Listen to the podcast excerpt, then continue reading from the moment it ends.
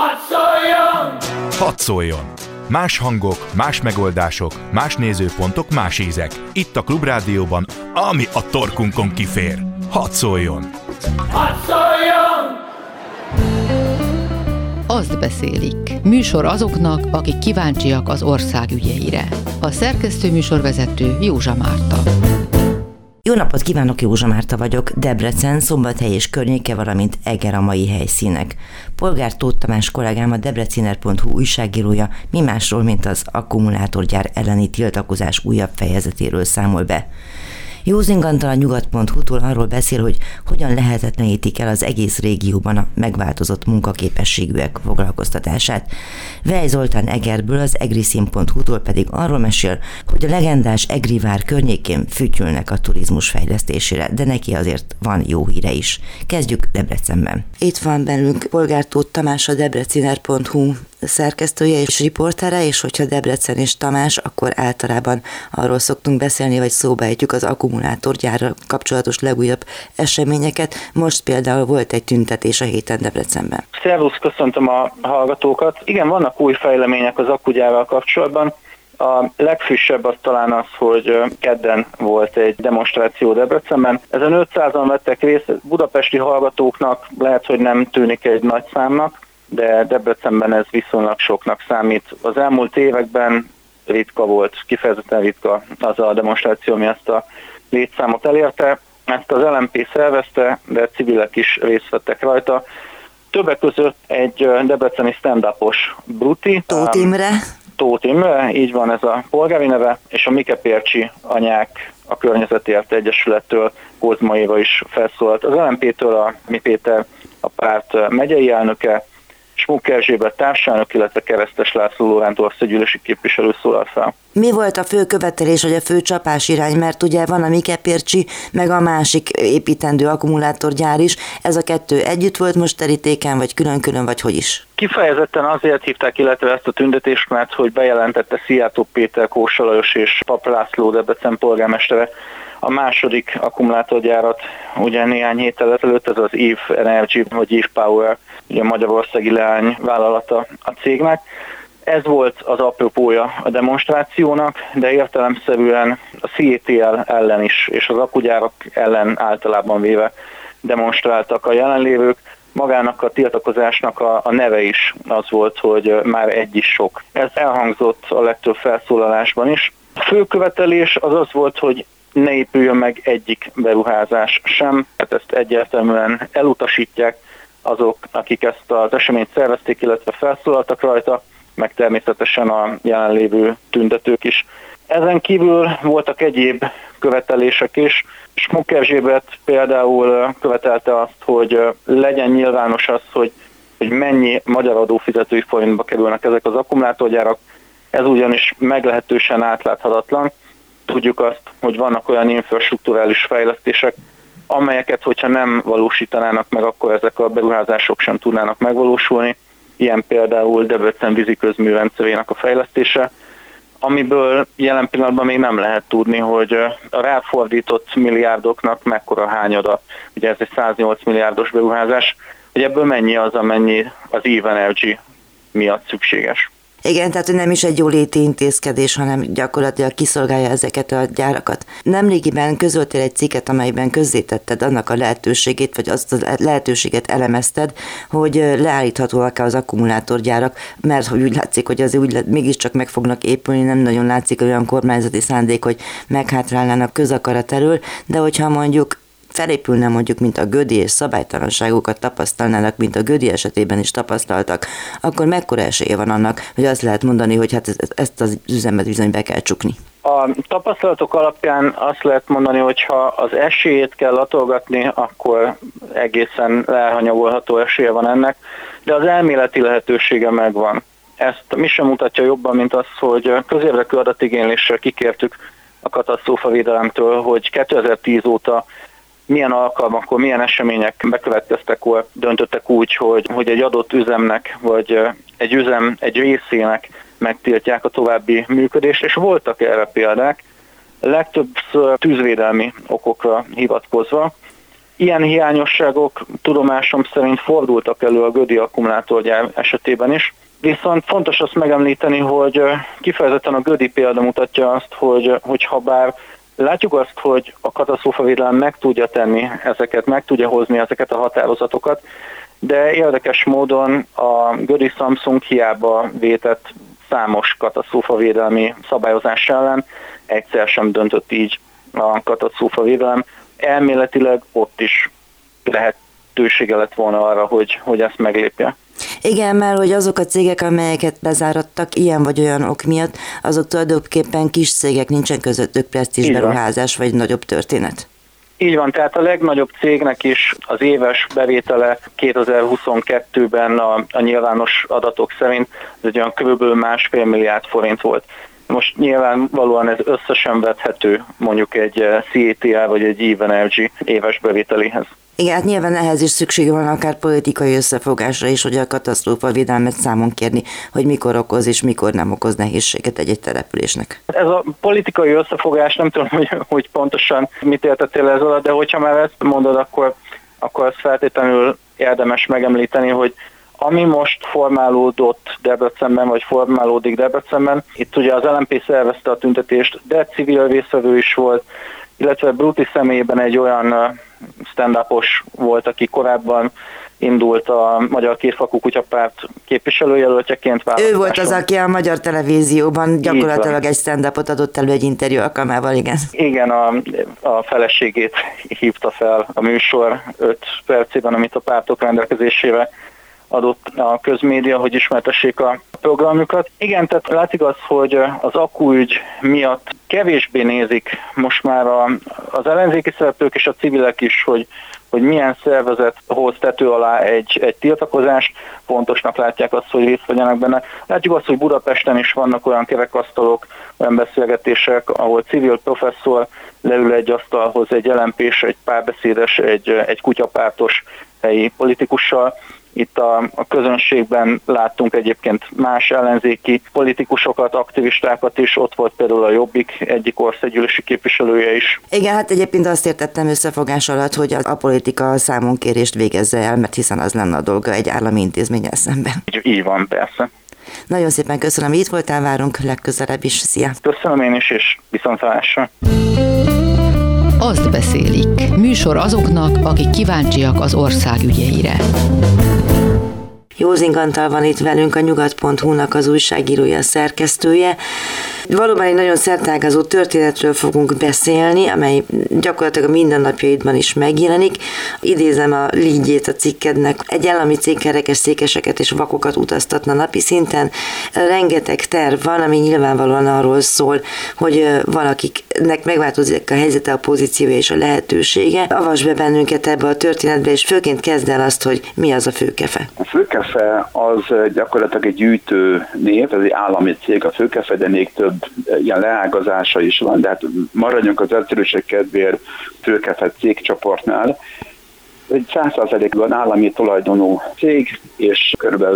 9-10 ezer alkalmazottat foglalkoztat szerte az országban számtalan ilyen kisebb-nagyobb telephelyen. Ugye úgy került a, a mi látókörünkbe, hogy itt közlegen is van egy telephelyük, ahol szinte megváltozott munkaképességűeket foglalkoztatnak, ahol hogy máshol is szóltak, hogy aki eddig 6-7 órában dolgozott, ők is majd 4 órában fognak dolgozni, mindenki 4 órában lesz alkalmazott. Ekkor még így viszonylag így gyanútlanok voltunk, vagy voltam, azt hittem, hogy ez valamilyen egyedi, kőszegi dolog, és kiderült, hogy nem, szerte az országban gyakorlatilag négy órába tették ezeket a megváltozott munkaképességűeket, pont akkor, amikor ugye tetőzött az infláció, mivel ennyivel csökkent a fizetésük, és akkor így nem nagyon értettem, értettük, hogy miért. Írtunk levelet a cégnek, és, és a cég ilyen sűrű hallgatásba burkolózott, és később kiderült, hogy ez csak úgy, úgy az első lépcső itt, és még számtalan egyéb ilyen, ilyen nagyon furcsa események következtek, ugyanis ez a, ez a cég leállította a, munkát a, a telephelyeken. Gyakorlatilag megállt a munka a fűtési idény elkezdésével, hát így akartak spórolni az energián. Azt tudjuk, hogy milyen fajta munkákról van szó, és hogy körülbelül mennyit keresnek ezzel ezek a kerekes, székes, vak és egyéb emberek? Hát ugye nagyon, vált, nagyon, nagyon óvatosan mondták, hát ilyen 70-80 ezer forintokat mondtak, amit négy órában kerestek. De ez egy közmunkás bér nagyjából.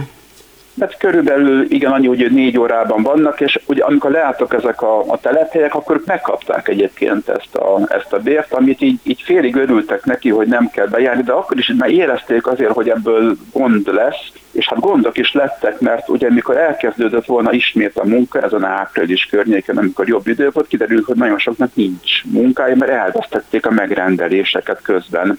Milyen típusú a, munkákat képzeljünk el? Hát úgy képzelni nagyon sok, ugye egyszerű munkákat képzelj el, de Szombathelyen például egy ilyen helyi multinacionális cégnek dolgoztak be, és egészen komoly munkát végeztek csak a helyi multinacionális cég, mivel ugye itt több hónapra, négy-öt hónapra leállt a főkefe beszállítót, úgy döntöttek, hogy ez így vállalhatatlan, és hát a cég nagyon az elnézést kért, és sajnálta nem meg kellett szakítani. És egyre mélyebbre tekergett ez az örvény.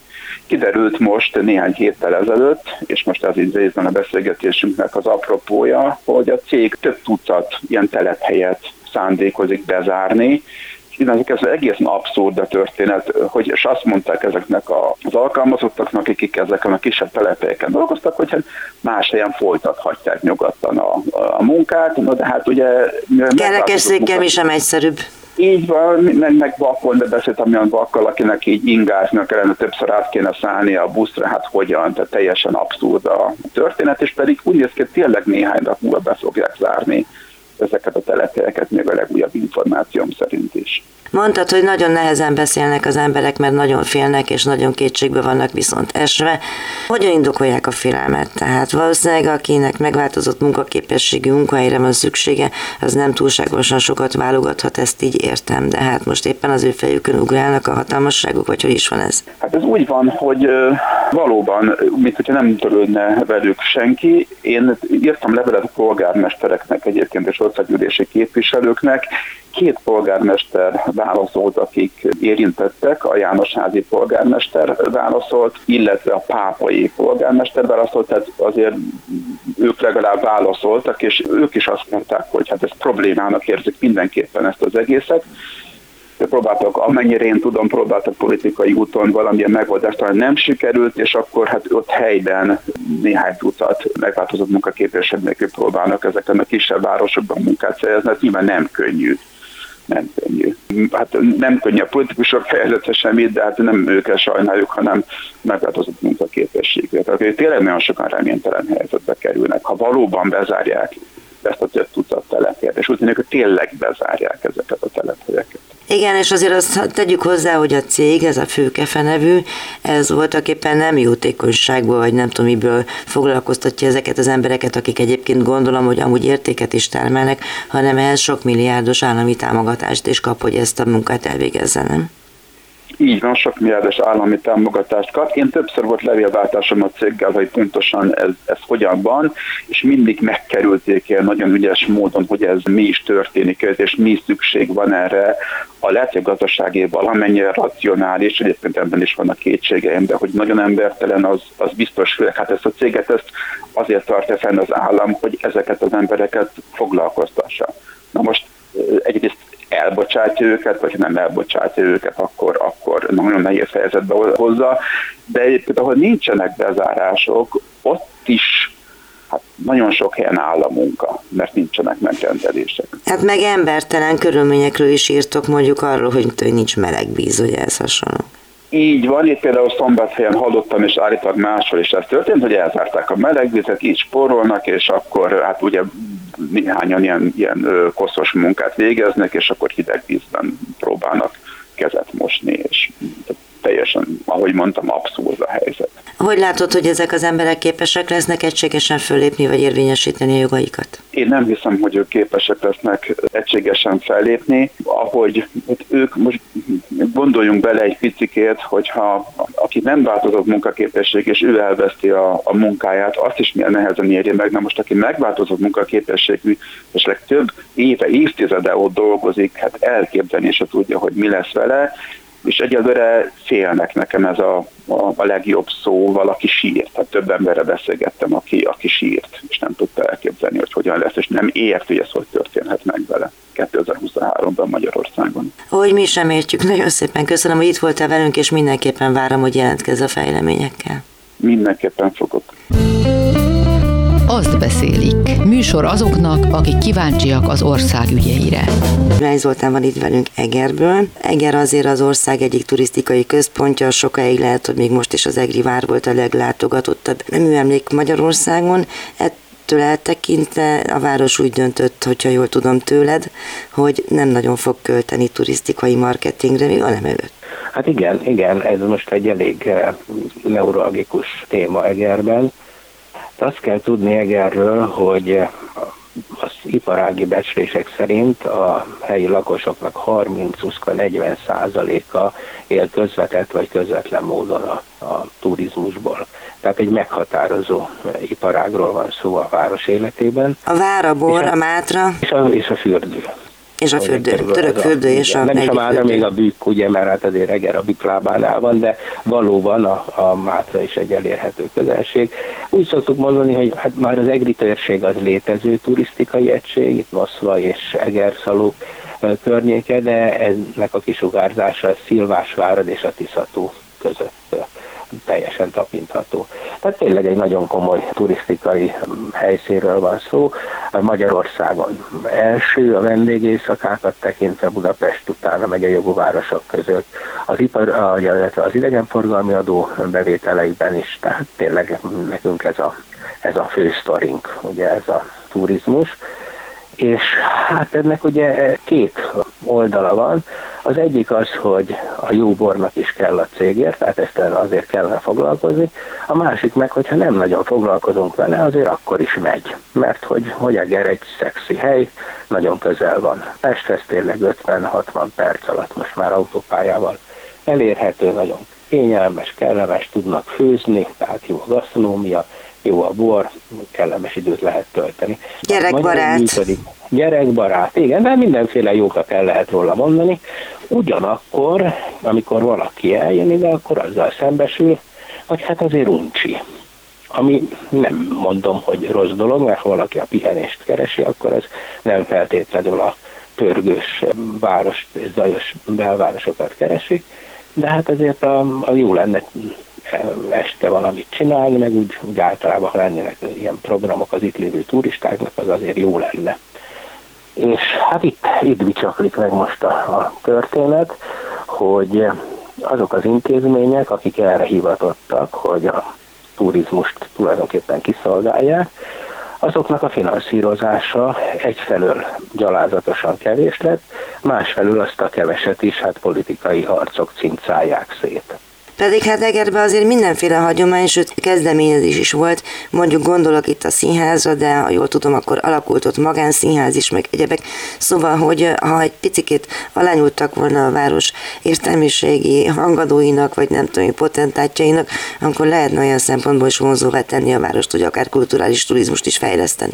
Igen, mert ez egy, ez egy örök probléma, hogy attrakciót kell lemenedzselni, vagy tényleg az itt lévőknek már a a jólétét biztosítani, már úgy értem, hogy a komfortérzetét, hogy az attrakciónál az, ami ezért jönnek ide.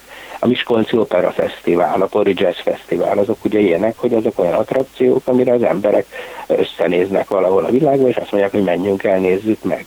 Ugye Egerre ez nem jellemző, hogy a Kovács házaspár mondjuk Sopronban összeül, és azt mondja, hogy hú, menjünk el, mert végvári igazságok lesznek majd az Egri várban a hétvégén, és lehet fejszét dobálni. Nem így működik, viszont akik itt vannak, azok örömmel mennek el az ilyen kulturális eseményekre. Mondom, itt az, a, az az igazi probléma jelenleg, hogy tulajdonképpen azok az intézmények, illetve most mondjuk a Városi Turisztikai Marketing Szervezet, ami erre lenne hivatott, az beleesett abba az intézményi csapdába, amiben egyébként a magyar intézményrendszer is ergődik általában, hogy az állam feladatait ugye az intézményeink keresztül akarja elvégezni, viszont ezeknek a finanszírozása kvázi arra elég, hogy fenntartja az intézményt, tehát fűtenek, világítanak, bért fizetnek, de már magára a tevékenységre, amire létrejött, tulajdonképpen nem elég. És így esett meg, hogy most például mint egy ilyen 700 ezer forintból kell havonta városmarketinget csinálni egy olyan szervezetnek, aminek hát ez lenne a dolga, hát mondta, ebből, ebből kellene térképeket nyomtatni, meg koncerteket szervezni, stb. stb. Tehát gyakorlatilag ellehetetlenült a munkája. Miközben azért támogatást kap? Miközben arra kap támogatást, hogy legyen. Tehát az állam azt hiszi, hogy azzal oldotta meg a feladatot, hogy fenntartja azt az intézményt, aminek nincs pénze azt a feladatot elvégezni. Igen, ezt szokták mondani, hogy nem projekt alapon működik. Nem, hanem akkor azt mondják neki, hogy pályázzon, de hát tudjuk, ilyenkor jönnek a pályázatkírók széttárt kezei, hogy de hát az EU nem adott pénzt, és akkor, akkor minden leáll. Hát így történt meg például, hogy ugye itt bekebelezte a ne érdekeltségébe tartozó szervezet a nagy szállodáinkat, ugye a Hotel Flórát, illetve a Hotel Egert, és a Flórát rögtön be is zárták, tehát a város egyik legnagyobb szállodáját, mondva, hogy majd felújítják ugye EU-s pénzből, de hát az EU-s pénzek nem jönnek, úgyhogy lehúzták ezt a, a sort, így aztán most például be van zárva a legnagyobb szállodánk, ami hát a rekreációs turizmusnak az ászlós hajója volt. Igen, a vidéki szállodák bezárásáról majd készítek egy sorozatot, mert ez egy nagyon izgalmas kérdés. Most viszont visszatérve, éppen valamelyik héten volt a műsorunkban arról szó, hogy szólnokon milyen szomorúak az emberek, hogy nem lesz az augusztus 20-i ünnepségre pénz, és hát úgy látom, hogy Egerben sem nagyon lesz 20 ünnepség, miközben, mint kiderült számomra, hogy ez minden városnak egy nagyon fontos közösségi élmény. Igen, igen, hát ez is, ez is először történik meg tulajdonképpen itt a, a rendszerváltás utáni Eger történetében, hogy jelenleg még nincsen semmilyen augusztus 20-ai program. Hát ez is annak az eredménye, hogy ez a szervezet ez nem tud, nem tud most pénzt alakálni erre, tehát nem tud kötelezettséget vállalni, és hát most mindenki várja a csodát, mert ráadásul még a finanszírozás is olyan, hogy ahelyett, hogy ugye a szezon előtt megkapták volna, mint korábban szokták, most hát a rossz nyelvek szerint azért tartja vissza a város, hogy a magas kamatok miatt, ugye az inflációból fakadó magas kamatok miatt addig is bankban tartja, hogy egy kicsit fialjon a pénz, és így csak havonta csepegteti, amiről hát lehet tudni, hogy mekkora kárt okoz, hiszen most kellene a szezon előtt befektetni, lekötni a rendezvényeket, kiadni a kiadványokat, stb. Úgyhogy augusztus 20-a valóban eluszti látszik, de hogy mondjak valami, valami nagyon pozitívat is így a végére, hogy hogy reagáltak erre viszont az érintettek. Maguk, akik ebből élnek, a borászok, a vendéglátók, a szállásadók, a strand, hogy ők bizony elkezdtek dolgozni saját maguk, kicsit koordinálnak is, és tulajdonképpen egy ilyen patchwork marketing kezd kialakulni, tehát amellett, hogy finanszírozzák az adókon keresztül a, a központi intézményrendszert, akinek ez lenne a dolga, de nem teszi, vagy nem tudja tenni, ők maguk is elkezdték a kezükbe venni ezt a dolgot, és tulajdonképpen most azt kell, hogy mondjam, hogy a hatékonyságban most már felvették a versenyt, tehát az, hogy a, a Bojki Janiék, a Lőrinc Györgyi borászata, a Tóték borászata olyan programokkal áll elő, annyi, olyan, olyan komoly attrakciókkal, amelyek most már messze a város határán túl is hatnak, és hát vonzák a turistákat, tehát tulajdonképpen a kezükbe vették a saját sorsukat, és hát szerintem mindenki most így járt jól. Igen, ez egy tipikus magyar sztori, reméljük, hogy senki nem tesz nekik keresztbe. Köszönöm szépen. A héten Polgár Tóth Tamás a debreciner.hu-tól, Józing Antal a nyugat.hu-tól és Vej Zoltán Egerből az egriszin.hu-tól számoltak be mindannyiunkat érintő történetekről. Jövő pénteken is leszünk, hallgassanak bennünket, figyelmüket köszönöm, Józsa Mártát hallották. Azt beszélik című műsorunkat hallották.